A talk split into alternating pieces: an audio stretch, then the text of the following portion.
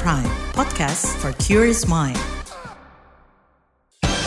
Saatnya Anda dengarkan Ruang Publik KBR. Halo selamat pagi, kita berjumpa kembali dalam Ruang Publik KBR Dan pagi hari ini kami mengangkat tema yaitu Perpu Cipta Kerja diterbitkan bagaimana nasib buruh Saudara, Presiden Joko Widodo menerbitkan peraturan pemerintah pengganti Undang-Undang atau Perpu nomor 2 tahun 2022 tentang Cipta Kerja atau Ciptaker pada akhir tahun lalu. Jokowi mengatakan Perpu diterbitkan sebagai ancang-ancang pemerintah menghadapi ancaman ketidakpastian ekonomi global. Terbitnya Perpu ini juga disambut penolakan dan sejumlah kelompok masyarakat sipil juga mengultimatum Presiden Jokowi dan DPR untuk mencabut belait itu.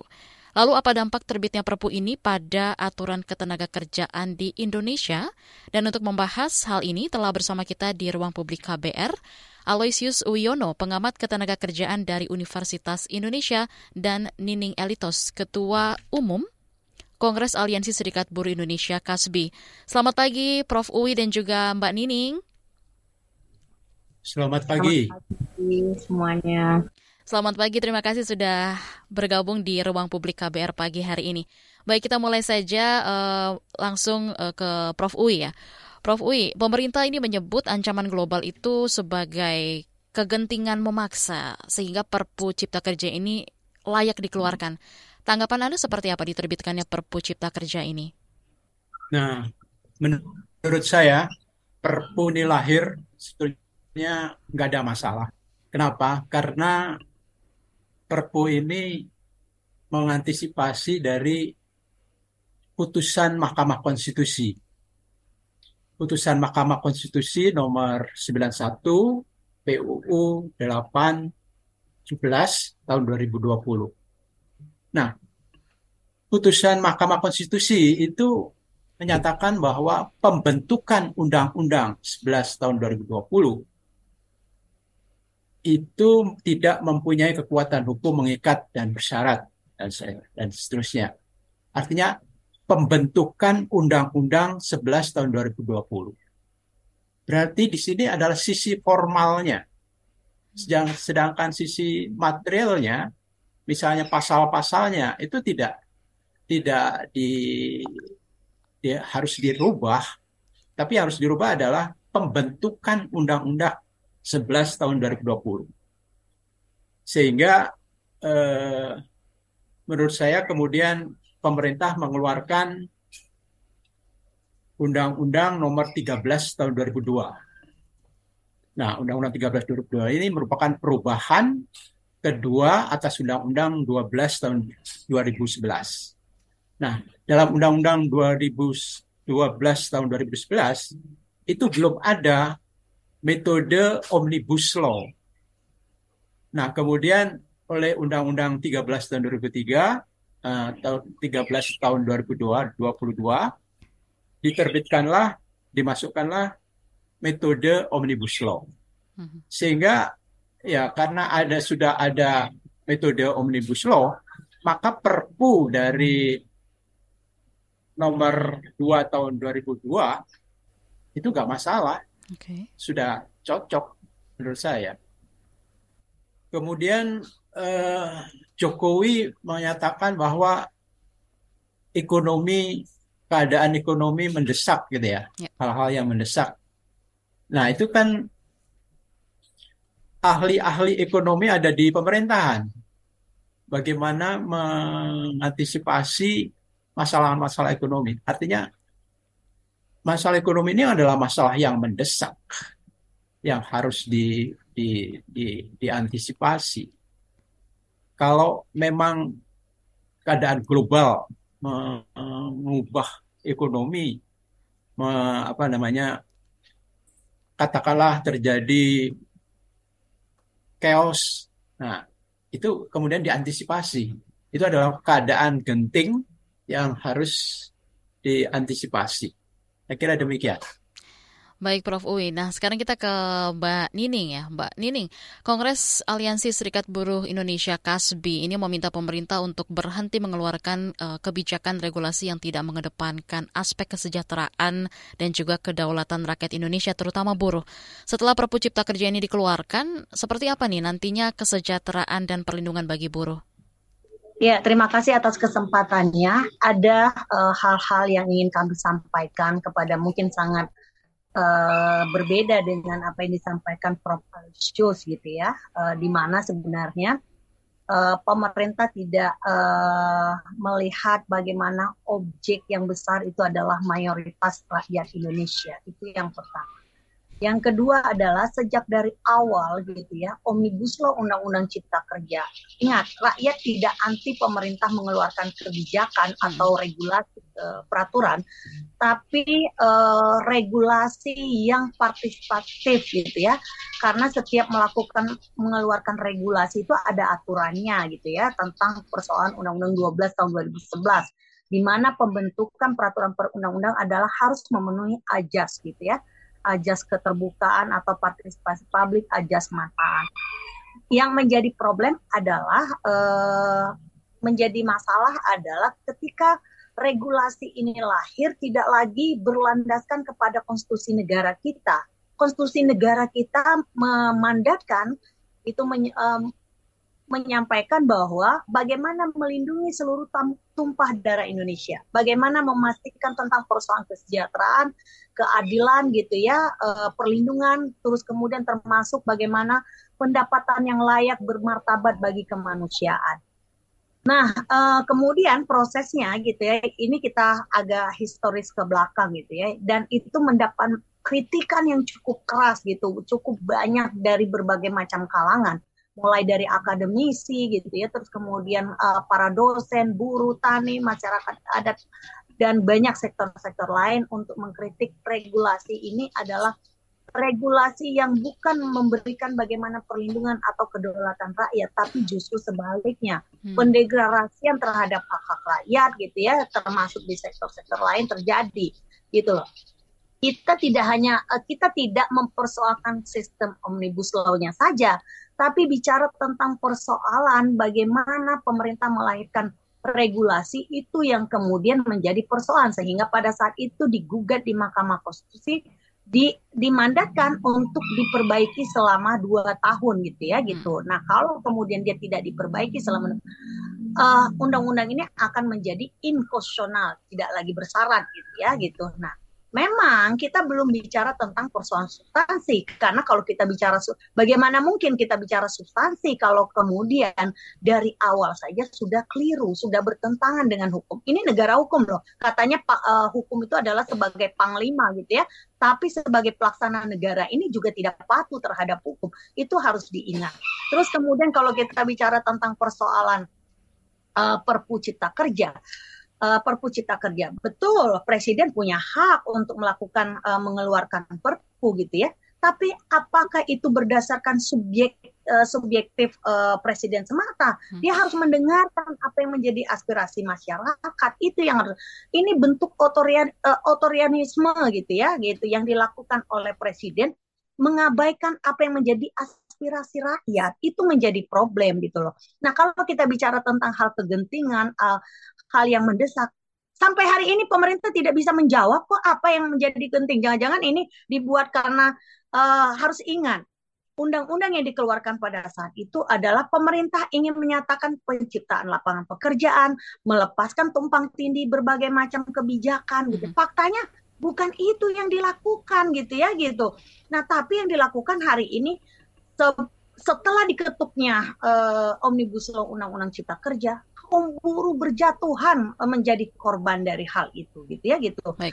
yang uh, kemudian uh, itulah yang kemudian kondisi kita hadapi jadi kalau dikatakan hal yang penting seharusnya bagaimana pemerintah mengimplementasi walaupun undang-undang 13 gitu ya bukan hal yang uh, masih sangat minimal gitu melakukan uh, apa pencegahan, penegakan hukum, pengawasan itu yang menjadi penting sebenarnya. Saya masih ingat kalau nggak salah Pak Prof. Alesius ini adalah salah satu tim uh, Perumus juga uh, terlibat dalam pembahasan Undang-Undang 13 walaupun itu dikritik banyak kalangan pada saat itu adalah tentang persoalan bagaimana kepastian kerja karena ada sistem kerja alidaya uh, PKWT itu gitu loh. Nah, tapi ya. kita bisa lihat isi dari uh, Perpu Cipta Kerja itu adalah hanya memindahkan apa yang kemudian mm-hmm. regulasi Omnibus Law Undang-Undang Cipta Kerja yang sejak awal ditolak oleh mayoritas rakyat. Ini kan yang memang mengabaikan kedaulatan rakyat karena suara-suara rakyat tidak pernah didengarkan hari ini gitu loh. Jadi yang genting tuh saya eh, nggak uh, tahu sampai hari ini kita bertanya pada mana hal yang genting yang dimaksud.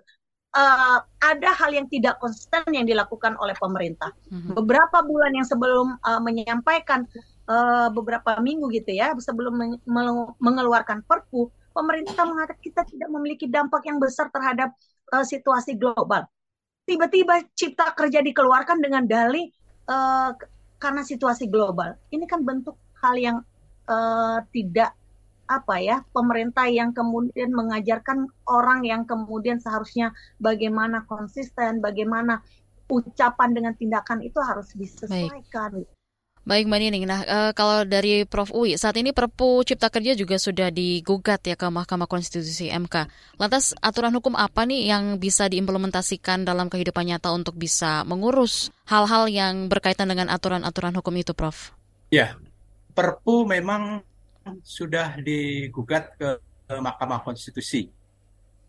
Tapi Perpu juga sudah diundangkan. Sehingga Perpu berlaku setelah tiga bulan diundangkan itu sudah efektif harus berlaku.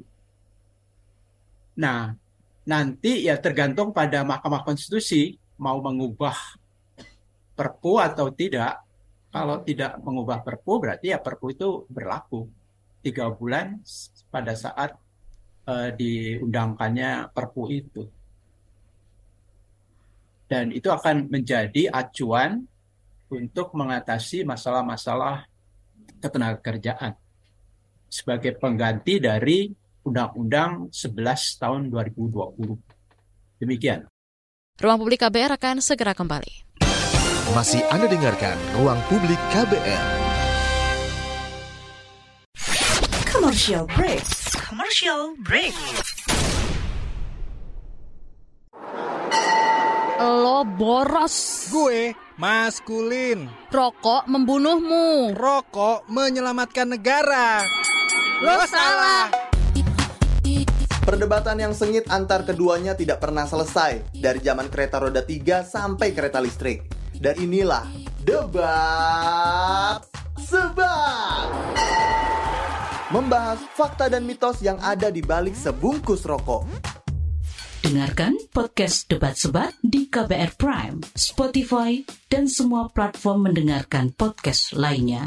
Diproduksi KBR Prime, podcast for curious minds. Yuk follow social media KBR. Twitter at Berita KBR, Instagram at KBR.id, Youtube Berita KBR. Masih Anda dengarkan Ruang Publik KBR. Yang kembali lagi di ruang publik KBR dan tema pagi hari ini adalah Perpu Cipta Kerja diterbitkan bagaimana nasib buruh. Masih bersama dengan kedua narasumber kita dari uh, di ruang publik KBR pagi hari ini ada Profesor Uwi, pengamat ketenagakerjaan Universitas Indonesia dan juga Mbak Nining, Ketua Kongres uh, Ketua Umum Kongres Aliansi Serikat Buruh Indonesia KASBI. Sebelum kita lanjutkan, kita angkat dulu penelpon yang sudah bergabung di telepon bebas pulsa KBR ada Ibu Tri di Jakarta. Selamat pagi Ibu Tri. Ya, halo, selamat pagi. Baik, silakan ada yang mau ditanyakan oh. atau komentar, silakan Ibu Tri. Ya, uh, selamat pagi untuk Bu Nini dan juga Pak Alusius ya. Tadi uh, saya mendengar kalau penjelasannya Bu Nini itu kalau bagaimana kita mau uh, membahas substansi, isi gitu ya, kalau proses pembentukan undang-undangnya saja bermasalah. Tetapi terus terang ketika Perpu ini dikeluarkan ya, saya itu banyak sekali melihat itu ya di uh, sosmed, di artikel online, informasi-informasi soal ketenaga kerjaan seperti soal gaji 5 juta, kemudian kena pajak, lalu hari libur jadi uh, cuma satu hari itu saya jadi bingung apakah isi uh, perpu ini apakah memang seperti itu? Apakah walaupun kita tidak bisa membahas substansinya, tetapi apakah isinya bisa saja kemudian sudah mulai berlaku? Itu bagaimana ya Pak Aloysius? Kalau tadi uh, kalau undang perpu ini isinya itu seperti apa ya sebenarnya bedanya sama uh, Undang-Undang Cipta Kerja yang sebelumnya itu seperti apa ya? Hmm. Uh, itu saja. Terima kasih. Baik, terima kasih Ibu Tri di Jakarta untuk pertanyaannya. Silakan bisa ditanggapi terlebih dahulu oleh uh, Prof. Uy. Baik, uh, terima kasih atas pertanyaannya. Perbedaan antara uh, Perpu dengan Undang-Undang 11 tahun 2020 itu pertama adalah mengenai outsourcing. Outsourcing dalam Perpu itu mengatur outsourcing penyerahan pekerjaan. Tidak lagi outsourcing penyerahan pekerja. Sebab yang terjadi sekarang adalah outsourcing penyerahan pekerja. Jadi pekerjanya yang diserahkan dari perusahaan yang satu ke perusahaan yang lain itu merupakan suatu kemajuan menurut saya uh, Perpu ini. Kemudian mengenai PKWT. PKWT itu yang jelas untuk pekerjaan-pekerjaan yang bersifat tetap tidak boleh diatur dengan PKWT, perjanjian perjanjian kerja waktu tertentu harus perjanjian kerja waktu tidak tertentu. Sehingga pekerjaan-pekerjaan yang diatur dengan PKWT itu yang bersifat sementara. Sehingga di sini yang menjadi masalah adalah bagaimana pengawasan terhadap pelaksanaan PKWT ini.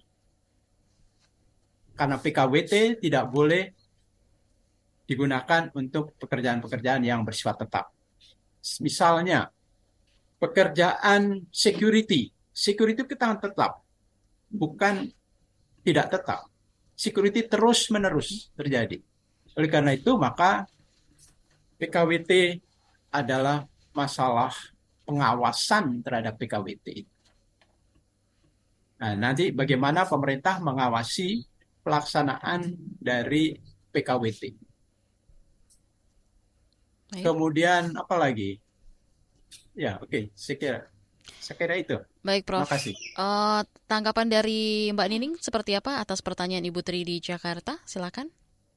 Ya, memang uh, Perpu ini soal uh, sebenarnya dia menjelmaan ya. Perpu ini kan jelmaan dari Undang-Undang Cipta Kerja.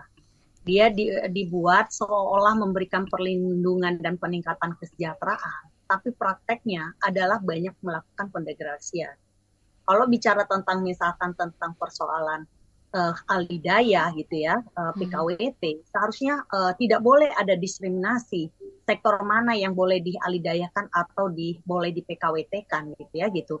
Dia punya hak yang sama. Itu yang menjadi peran negara untuk membuat sebuah regulasi melindungi semua orang gitu ya gitu. Dan konfederasi Kasbi uh, menyampaikan seharusnya tidak uh, perlu ada uh, sistem kerja uh, alidaya gitu ya atau pekerja PKWT karena semua punya hak untuk dilindungi, semua hak untuk diberikan peningkatan kesejahteraan. Terus kemudian kalau kita bicara tentang penderagasian dalam persoalan uh, Perpu gitu ya, karena dia jelmaan dari Undang-Undang uh, Cipta Kerja. Kita bisa lihat tentang persoalan uh, pemutusan hubungan kerja Terus kemudian kita uh, selain nilainya yang turun, di situ di esensi dari persoalan PHK-nya itu harus dilihat. Terus kemudian uh, kita bisa lihat tentang persoalan upah. Uh, di undang uh, undang-undang sebelumnya gitu ya 13 itu uh, bagaimana uh, membuat tentang pencapaian kebutuhan hidup layak.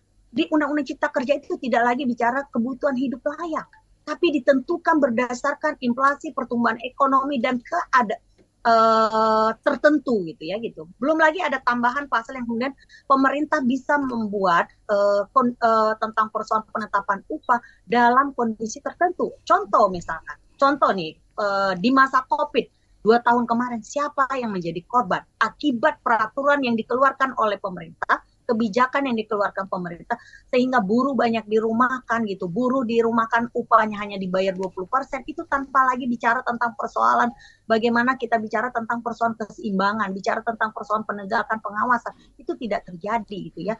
Nah, jadi esensinya sebenarnya kalau pemerintah mau mengeluarkan regulasi, seharusnya dia uh, lebih memberikan perlindungan dan peningkatan kesejahteraan, bukan memberikan uh, ketidakpastian hukum gitu ya, uh, bukan lagi memberikan tentang persoalan uh, justru membuat lemahnya perlindungan, bukan lagi menurunkan nilai-nilai kesejahteraan. Biar bagaimanapun tidak bisa ditampilkan bagaimana kebutuhan hidup yang hari ini semua semakin mahal imbas dari kenaikan BBM, kenaikan listrik gitu ya, eh, kebutuhan pokok, ini berimbas yeah. kepada perusahaan pendapatan. Ketika pendapatan rakyat semakin rendah, maka uh, ini akan mengganggu tentang persoalan pertumbuhan ekonomi. Kenapa? Konsumsi ekonomi, pertumbuhan ekonomi itu adalah berdasarkan konsumsi gitu ya. Yeah. Kalau konsumsi rakyat semakin rendah, maka itu menunjukkan kualitas kesejahteraan rakyat semakin rendah.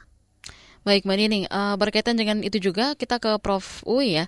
Uh, Presiden Jokowi mengatakan Perpu yeah. diterbitkan sebagai ancang-ancang pemerintah menghadapi ancaman ketidakpastian ekonomi global dan Asosiasi Pertekstilan Indonesia atau API juga mencatat ada 97 pabrik tekstil dan juga produk tekstil TPT yang melakukan pemutusan hubungan kerja atau PHK sekitar 30 ribu orang buruh. Dan angka itu juga berdasarkan laporan yang masuk ke API per 21 November 2022. Apakah ini bisa dijadikan acuan, uh, Prof? Kalau memang mulai terjadi ketidakpastian ekonomi yang berakibat tutup pabrik-pabrik ini sendiri? Ya, mengenai akibat dari tutup pabrik ini ya, akibatnya PHK memang. Ya. Nah, kenapa terjadi demikian? Ini adalah masalah global tadi mm -hmm. yang mempengaruhi perkembangan pertumbuhan ekonomi di Indonesia oleh karena itu, pemerintah mengantisipasi supaya jangan sampai terjadi PHK-PHK itu. Kalau PHK-PHK itu terjadi, maka uh, akibatnya ya rakyat Indonesia yang yang yang sengsara, gitu kan. Oleh karena itu, maka pemerintah mengatur pengupahan pengupahan itu sebetulnya mengatur mengenai upah minimum. Upah minimum itu adalah upah yang terendah dan diterapkan pada mereka yang bekerja nol masa kerja. Jadi mereka yang nol masa kerja itu adalah upah minimum. Sedangkan mereka yang di atas uh, dua tahun, satu tahun lebih, maka dia harus berdasarkan upah perundingan. Nah, ini menurut saya perundingan ini yang harus ditekankan. Merupakan fungsi dari serikat pekerja. Bagaimana serikat pekerja itu berfungsi menekankan upah-upah itu bisa di atas upah minimum. Artinya berdasarkan perundingan. Sedangkan upah minimum itu kan untuk mereka yang bekerja hmm di bawah satu tahun. Saya kira demikian. Oleh karena itu, okay. serikat pekerja harus berjuang mati-matian mengenai upah ini Baik. bagi mereka yang bermasa kerja di atas satu tahun. Baik, Prof. Uwi. Kira demikian. Uh, kita ke Mbak Nining. Kalau di lapangan, seperti apa nih Mbak Nining melihat PHK yang terjadi di sektor tekstil ini sendiri, Mbak? Seperti apa hak-hak mereka yang dihentikan? Iya, aku ada sedikit agak uh, berbeda dengan apa yang disampaikan oleh Pak Alusius gitu ya, gitu, di mana uh, betul upah minimum itu adalah uh, upah untuk uh, standar orang yang baru bekerja satu tahun ke bawah gitu ya, gitu. Nah, tapi dalam implementasinya, prakteknya ini kemudian menjadi problem. Kalau bicara tentang perusahaan bawah ini adalah harus diberikan eh, bagaimana negosiasi. Ini menjadi problem. Kita harus melihat fair gitu ya. Bahwa hari ini sampai hari ini terjadi ketimpangan yang luar biasa antara pekerja atau serikat pekerja dengan pihak uh, para pemodal gitu ya gitu. Nah inilah pentingnya menjadi peranannya pemerintah untuk hadir bagaimana melindungi yang lemah gitu ya gitu. Mm -hmm. uh, rata-rata perusahaan boleh cek di khusus padat karya persepatuan dan kemudian di garment tekstil gitu ya dan makanan orang yang bekerja dikatakan bahwa saat mereka yang rata-rata bekerja lima tahun saja masih mendapat UMK. Dan kita bisa lihat dampak dari akibat tidak adanya kepastian kerja karena sistem kerja kontrak eh, PKWT atau alidaya ini justru membuat tidak ada bisa melakukan nilai bergaining terhadap makanya kita penting kepastian kerja gitu ya gitu. Nah terus kemudian kalau bicara tentang persoalan eh, karena kenapa misalkan kita uh, melihat banyak uh, tidak menampik gitu ya, tidak ditampik bahwa banyak juga pengusaha-pengusaha nakal memanfaatkan uh, dalam situasi seperti ini, misal uh, dengan situasi kris uh, global ini yang menyatakan mereka berdampak pada sekian tahun gitu. Saya karena saya mantan buruh bekerja di pabrik gitu ya, berkali-kali bekerja di pabrik dan setiap hari berinteraksi dengan kawan-kawan di pabrik tentang problem persoalan uh, transparansi misalkan antara pekerja dengan pihak manajemen. Kita boleh cek rata-rata tidak fair terhadap uh, para pekerja. Bagaimana mungkin gitu ya sekian puluhan hmm. tahun para pekerja memberikan dedikasinya hmm. tapi juga tidak diberikan uh, reward atau nilai lebih dari apa yang harus mereka dapat itu sangat uh, kecil gitu ya gitu. Hmm. Tapi kalau kita bicara tentang persoalan tadi data data sebenarnya kita boleh uh, cek dan kemudian melihat itu gitu ya rata-rata perusahaan-perusahaan besar yang kami tahu gitu ya dan itu mereka tidak melakukan penutupan tapi mereka melakukan ekspansi di daerah-daerah upahnya yang rendah gitu ya gitu sangat rendah misalkan ke Jawa Barat, Jawa hmm. Tengah gitu kemudian mereka tetap uh, melakukan uh, tetap ada gitu ya tapi kemudian inilah yang kemudian kita sering melihat itu uh, butuh tentang persoalan keterbukaan. Saya yakin ketika ada diskusi keterbukaan sejak dari awal, tidak mungkin buruh tidak memiliki rasa empati ke dalam situasi itu. Tapi problemnya adalah ini persoalannya, trust ini tidak terbangun gitu ya. Terus kemudian kenapa? Karena dalam situasi uh, ketika terjadi penurunan keuntungan, uh, buruh dikorbankan. Dalam situasi hal seperti ini, mau menjelang kenaikan upah, buruh di PHK gitu ya, gitu. Terus kemudian uh, tiga minggu setelah PHK ya. kemudian menerima lowongan yang begitu banyak dengan sistem PKWT. Ini kan menunjukkan bahwa tidak ada niat untuk memberikan tentang persoalan bagaimana tentang persoalan peningkatan kesejahteraan, tentang uh, hubungan kerja yang kemudian harmonis ini, sehingga memang ditimbulkan atas dasar tidak adanya keterbukaan, tidak adanya keseimbangan gitu ya.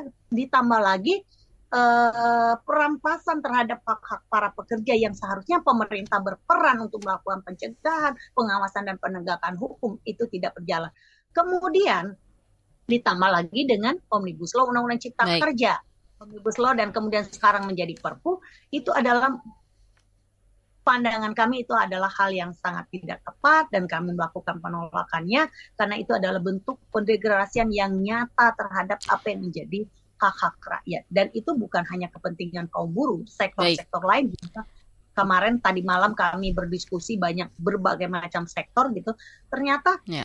ini uh, tidak membawa hal yang kebaikan justru uh, keburukan bagi baik mbak Nining Poin sudah kami dapatkan nanti akan bisa dilanjutkan kembali bersama dengan Prof. Uid. Ruang Publik KBR akan segera kembali. Masih Anda dengarkan Ruang Publik KBR. Masih bersama dengan kedua narasumber kita di pagi hari ini ada Prof. Uwi dari Universitas Indonesia dan juga Mbak Nining dari Kasbi. Kita baca dulu dari channel YouTube KBR, ada dari Bimo di Bintaro. Ingin bertanya pada Prof. Uwi, apakah menurut Prof. Perpu ini bisa mengakomodir atau mendukung iklim berinvestasi di Indonesia, baik dari pihak dalam negeri maupun luar? Mungkin bisa ditanggapi terlebih dahulu oleh Prof. Uwi, silakan. Ya, Perpu ini diundangkan untuk mengantisipasi masalah global itu. Nah, ini tentunya untuk me, me, me, mengupayakan supaya investasi dalam negeri maupun luar negeri itu bisa uh, berkembang karena kalau tidak maka uh, investasi investasi investor-investor kita asing yang kebanyakan asing itu akan mundur dari Indonesia. Dan kalau mundur berarti kita yang rugi. Pekerjaan-pekerjaan kita akan uh, menjadi pengangguran-pengangguran pekerja-pekerja kita. Banyak PHK oleh karena itu memang untuk menumbuhkan investasi untuk menarik investor-investor asing ke Indonesia mau tidak mau Perpu ini harus di, di, diundangkan. Saya kira demikian. Baik, ini pertanyaan lanjutan masih dari orang yang sama. Uh, untuk Mbak Nining, dari Perpu baru ini apa yang menjadi tuntutan yang paling utama dari Kasbi terhadap pemerintah? Silakan Mbak Nining. Iya, uh, pertama jelas ya apa yang disampaikan oleh Pak Alisius ini bagian menjadi uh, seperti jubir dari pemerintah gitu ya gitu, uh-huh. bahwa seolah uh, Perpu ini menjadi uh, kebutuhan yang mendasar bagi rakyat Indonesia. Tapi kami katakan bahwa Perpu ini adalah tidak menjawab dari persoalan rakyat dan kita tidak menghendaki Perpu tersebut karena jelas uh, dengan Perpu ini justru semakin membuat rakyat semakin sengsara gitu ya membuat rakyat semakin tidak terlindungi oleh uh, kepastian hukum gitu ya gitu. Terus kemudian ditambah lagi tentang persoalan bahwa betul ternyata kalau apa yang disampaikan oleh Pak Alusius tadi gitu bahwa ternyata Perpu ataupun Omnibus Law Undang-Undang Cipta Kerja ini semata-mata ya. hanya untuk investasi, tapi meletakkan rakyat Indonesia adalah posisi yang paling bawah. Itu yang kemudian yang menjadi uh, keprihatinan kita gitu ya. Ternyata ke depan uh, lagi-lagi kedaulatan rakyat itu adalah tidak lagi di tangan rakyat, tapi ditentukan oleh kepentingan segelintir orang yang mengabaikan aspek kemanusiaan di atas segala-galanya. Nah itu yang uh, kami lihat. Terus kemudian yang di sisi lain adalah true dari keugal-ugalan melahirkan sebenarnya kan ini kan berangkat dari omnibus law undang-undang cipta kerja ya keugal-ugalan bentuk pemerintah ke tidak punya kemampuan bagaimana melahirkan untuk uh, regulasi ini mengakomodir melindungi seluruh tumpah darah Indonesia. Jadi kalaupun kemudian uh, Perpu ini dianggap baik oleh uh, tadi gitu ya disampaikan oleh Pak Alisius hmm. tidak bagi kami karena itu jelas gitu ya dari uh, segi isi dan kemudian dari cara melahirkannya pun gitu walaupun benar Perpu itu adalah uh, kewenangan presiden tapi otoritarisme yang hari ini semakin berbahaya bagi rakyat dan bangsa. Baik, uh, Mbak Nining, ini kita lanjutkan kembali. Ada juga pesan singkat WhatsApp yang masuk. Ada dari Salsa di Jakarta. Mau bertanya apakah Perpu Ciptaker ini berpengaruh pada pekerja baru atau fresh graduate? Silakan Prof. Uy bisa ditanggapi. Perpu baru terhadap fresh graduate. Yes, betul. Silakan. Graduate kan sesuai dengan ketentuannya bahwa upah minimum itu hanya untuk fresh graduate. Hmm. Fresh graduate. Nah, tentunya tergantung fresh graduate itu eh, apa namanya? apa ijazah apa ijazahnya dari karyawan itu. Fresh graduate untuk S3 tentunya berbeda dengan fresh graduate mereka yang berijazah SMP atau SMA. Hmm. Oleh karena itu, ya tergantung kalau masalah upah itu kan tergantung kepada bargaining position dari masing-masing pekerja itu. Kalau bargaining posisinya lebih kuat, maka dia akan mempunyai uh, upah lebih tinggi. Tapi kalau bargaining posisinya lebih rendah, maka uh, mereka akan uh, berdampak uh, yang minimum itu yang ya. terjadi. Saya kira demikian. Ya. Kita lanjut lagi, Prof. Uy dan juga Mbak Nini. Kita lanjut lagi, Prof. Uy. Uh, pesan singkat WhatsApp yang masuk ada dari Lukas di Medan. Tadi Prof. Uy sudah mengatakan pengupahan itu salah satu solusi soal PHK. Tapi bagaimana kalau ada perusahaan atau pemberi kerja tidak menerapkan hal itu? Apa betul pengupahan ini sudah memperhatikan kesejahteraan pekerja? Silakan bisa ditanggapi dari Mbak Nining. Iya, kalau bicara tentang persoalan upah itu kan uh, sebagai uh, basic dasar gitu ya untuk uh, bagaimana tentang persoalan. Tapi kita bisa lihat realita dalam persoalan ketenaga kerjaan hari ini gitu ya, baik di sektor perkebunan, terus kemudian industri-industri uh, masih cukup terjadi walaupun perusahaan-perusahaannya mampu pun itu sering kali juga memperlakukan bahwa itu adalah sebagai upah gitu, uh, upah minimum. Uh, tidak mudah pengalaman-pengalaman uh, kami gitu ya hmm. yang ada organisasi serikat pekerjanya cukup kuat saja untuk menaikkan upah tentang persoalan skala upah istilahnya skala upah itu uh, butuh waktu dan energi yang begitu besar bagi uh, buruh atau serikat buruh gitu ya. Apalagi kalau uh, di perusahaan-perusahaannya tidak ada serikat buruh. Banyak uh, pendegradasian tentang uh, bahkan uh, aturan hukum yang ada pun masih banyak perusahaan yang menjalankan gitu ya gitu. Apalagi kalau tidak ada serikat buruh. Kementerian Tenaga Kerja mengeluarkan sebenarnya berapa sih data dari uh, angkatan kerja gitu ada sekitar hanya tiga jutaan Nah bayangkan gitu, saya ini habis keliling uh, Sumatera dari mulai Lampung sampai ke uh, Mendeling Natal sana gitu ya. Justru daerah-daerah itu banyak tidak memperlakukan tentang persoalan upah minimum. Gitu. Nah, hmm. bagaimana tentang persoalan pencegahan, uh, pengawasan dan penegakan hukum? Ini yang sebenarnya hal yang mendasar yang kemudian sering kali kita suarakan kepada uh, pemerintah gitu. Nah, justru kemudian akhirnya mengeluarkan satu kebijakan uh, regulasi yang kemudian uh, yang satu belum uh, selesai gitu ya persoalan-persoalan yang uh, pelik ini semakin menumpuk tapi membuat persoalan yang baru sebenarnya Perpu Cipta Kerja ini adalah uh, persoalan yang semakin menumpuk. Kalau hari ini kita seperti gunung es, mungkin gunung esnya bisa bertambah gitu ya. Itu hmm. sebenarnya. Dan kalau kita bicara tentang persoalan power bargaining, jangankan berserikat saja untuk bergaining itu itu butuh energi yang besar gitu ya apalagi uh, individu gitu. Nah ini yang kemudian uh, kita melihatnya di situlah letak seharusnya peran negara memberikan bagaimana? Hadir memberikan perlindungan hadir memberikan tentang persoalan keseimbangan itu. Jangan kemudian ketimpangan yang menganga ini dibuat semakin besar gitu ya. Ini berbahaya bagi bangsa dan rakyat Indonesia Baik Mbak Nining dan juga Prof. Uwi, ini ada satu lagi dari Sulis di Pekanbaru. Dari penjelasan kedua narasumber, saya menangkap secara aturan untuk melindungi buruh sudah cukup baik. Hanya pelaksanaannya di lapangan yang sering tidak sesuai aturan. Apakah seperti itu? Mohon penjelasan kedua narasumber. Tapi ditahan dulu untuk Profesor Uwi dan juga Mbak Nining. Nanti kita akan lanjutkan dengan jawaban dari kedua narasumber kita. Tetaplah di Ruang Publik KBR. Masih Anda dengarkan Ruang Publik KBR. Commercial break. Commercial break. Transfer ke sini udah, bayar ini juga udah. Ke gue udah. Heh, Allah, pertumbuhan ekonomi tuh lagi melambat, persis kayak tabungan gue. Betul banget harus matang ngelola keuangan. Pengennya tuh investasi sesuatu gitu ya. Apa gitu yang cocok dan menguntungkan? Hmm, coba dengerin uang bicara deh. Gue belakangan lagi dengerin podcast itu di KBR Prime.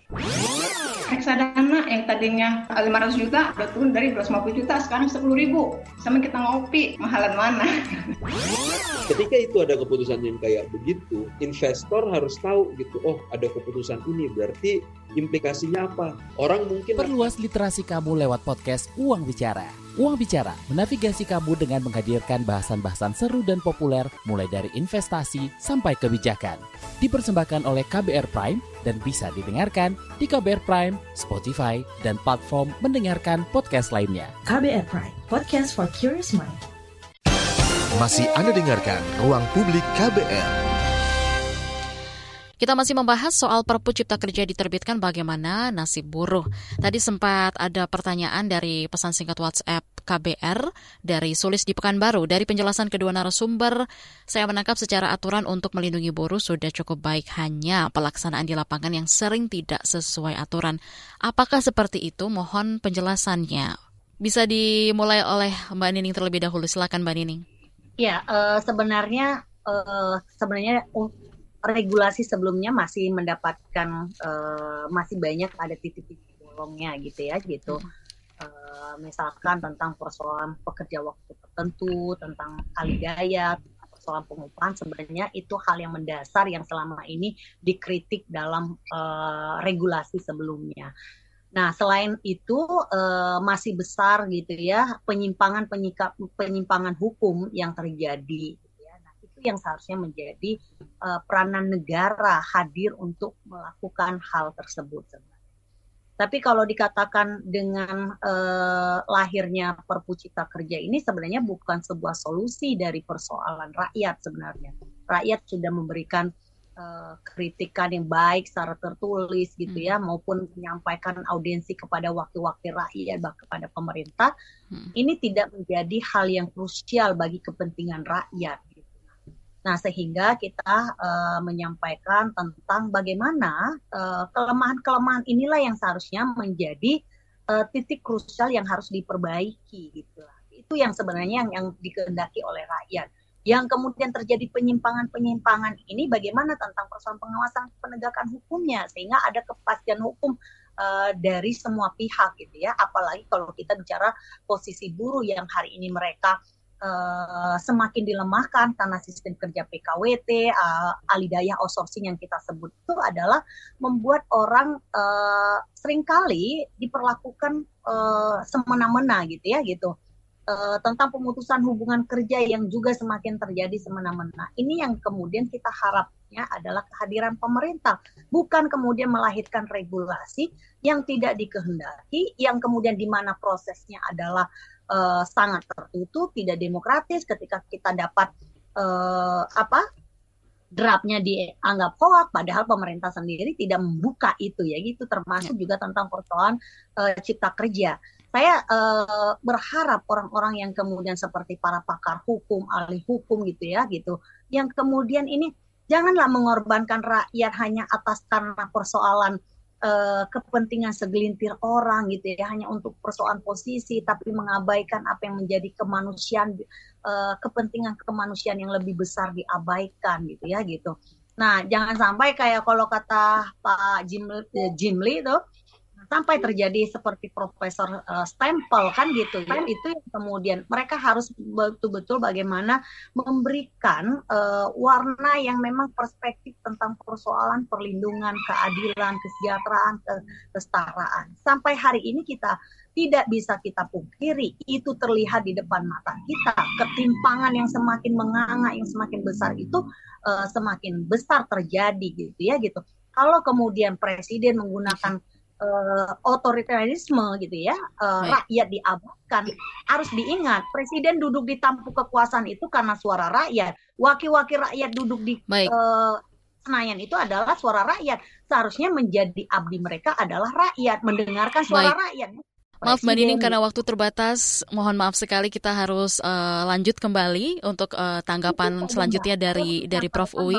Prof Uwi tadi uh, sempat ditanyakan oleh salah satu pendengar kita, apakah sudah uh, aturan ini sudah melindungi buruh cukup baik hanya saja pelaksanaan di lapangan sering tidak sesuai aturan. Apakah seperti itu? Silakan Profesor Uwi bisa dijelaskan. Ya. Satu menit saja. Baik. Mengenai pelaksanaan peraturan perundang-undangan di bidang ketenagakerjaan, ini memang memang masalahnya adalah efektivitas dari undang-undang itu karena tidak efektif. Oleh karena itu tidak efektif maka eh, pengawas ketenagakerjaan itu harus kerja keras. Di samping itu di samping pengawas, saya kira serikat pekerja itu harus ditingkatkan perannya mengawasi pelaksanaan ketentuan-ketentuan yang sudah ada Nah, itu misalnya PKWT. PKWT itu kan sudah jelas itu tidak boleh untuk pekerjaan-pekerjaan yang bersifat tetap. Itu harus diawasi. Kalau tidak diawasi ya akan terjadi PKWT dengan ini. Oleh karena itu, kalau aturan-aturannya saya kira sudah memadai, namun pelaksanaan itu yang harus kita tingkatkan. Saya kira demikian. Baik, mohon maaf sekali ini karena keterbatasan waktu ya Prof. Uy dan juga Mbak Nini. Uh, pertanyaan terakhir untuk uh, Anda berdua ya. Selain menggugat ke MK, masyarakat sipil juga demo besar-besaran dan melakukan pembangkangan sipil. Pada saat pengesahan Undang-Undang Cipta Kerja demo besar-besaran dilakukan, tapi pemerintah dan juga DPR tetap saja mengesahkannya gitu ya. Apakah aksi kali ini akan membawa hasil yang diinginkan buruh dan kelompok masyarakat sipil? Mungkin bisa ditanggapi terlebih dahulu oleh Prof. Uy. Satu menit saja masing-masing. Silakan. Ya, uh, soal demo itu bisa saja terjadi. Ya. Soal berhasil atau tidak, ya itu bagaimana pemerintah melaksanakan uh, pengamanan demo itu, sehingga demo besar-besaran oleh uh, apa masyarakat sipil dan lain sebagainya, kalau terjadi itu ya memang terjadi. Kalau tidak terjadi ya tidak terjadi begitu. Baik. Sehingga pemerintah harus mengantisipasi itu. Baik, dari Mbak Nining silakan Mbak Nining. Iya, uh, kami gitu ya, Gerakan Buruh Bersama Rakyat, uh, Komite Nasional Pembaruan Agraria, KEPAL gitu ya, Protes Rakyat Indonesia Eh, terus melakukan upaya-upaya agar uh, Perpu dan Omnibus Law Undang-Undang Cipta Kerja tidak uh, menjadi kehendak paksaan segelintir orang gitu ya gitu. Kita menghendaki satu regulasi yang berkeadilan gitu ya, meningkatkan kesejahteraan, kesetaraan dan perlindungan bagi rakyatnya. Nah, kalau kemudian pemerintah tetap mengabaikan uh, suara-suara rakyat, ya tunggu pembalasan dari rakyat gitu ya. Apa gitu ya, aksi-aksi pasti akan terjadi gitu ya. eh, protes-protes di berbagai macam daerah akan uh, terjadi dan kemudian krisis kepercayaan mosi tidak percaya kekuasaan itu akan muncul, termasuk juga melakukan pemogokan-pemogokan yang akan uh, disiapkan oleh Eh, gerakan rakyat Indonesia termasuk berbagai macam aliansi. Kami sudah melakukan pertemuan berbagai macam aliansi dan kemudian uh, jangan sampai kemudian otoritarisme yang dilakukan oleh presiden ini sampai kepada persoalan uh, pemakzulan gitu ya karena uh, kita sudah mengingatkan presiden hati-hati jangan sampai mengeluarkan uh, regulasi ini adalah berdampak kepada rakyat mayoritas. Sekali lagi Baik. kami menolak Omnibus Law Undang-Undang Cipta Kerja dan Perpu. Baik, terima kasih banyak Mbak Nining dan juga Prof. Uy atas waktunya. Mohon maaf sekali karena keterbatasan waktu kita sudah harus mengakhiri siaran ruang publik pada pagi hari ini, yaitu dengan tema kita Perpu Cipta Kerja diterbitkan bagaimana nasib buruh.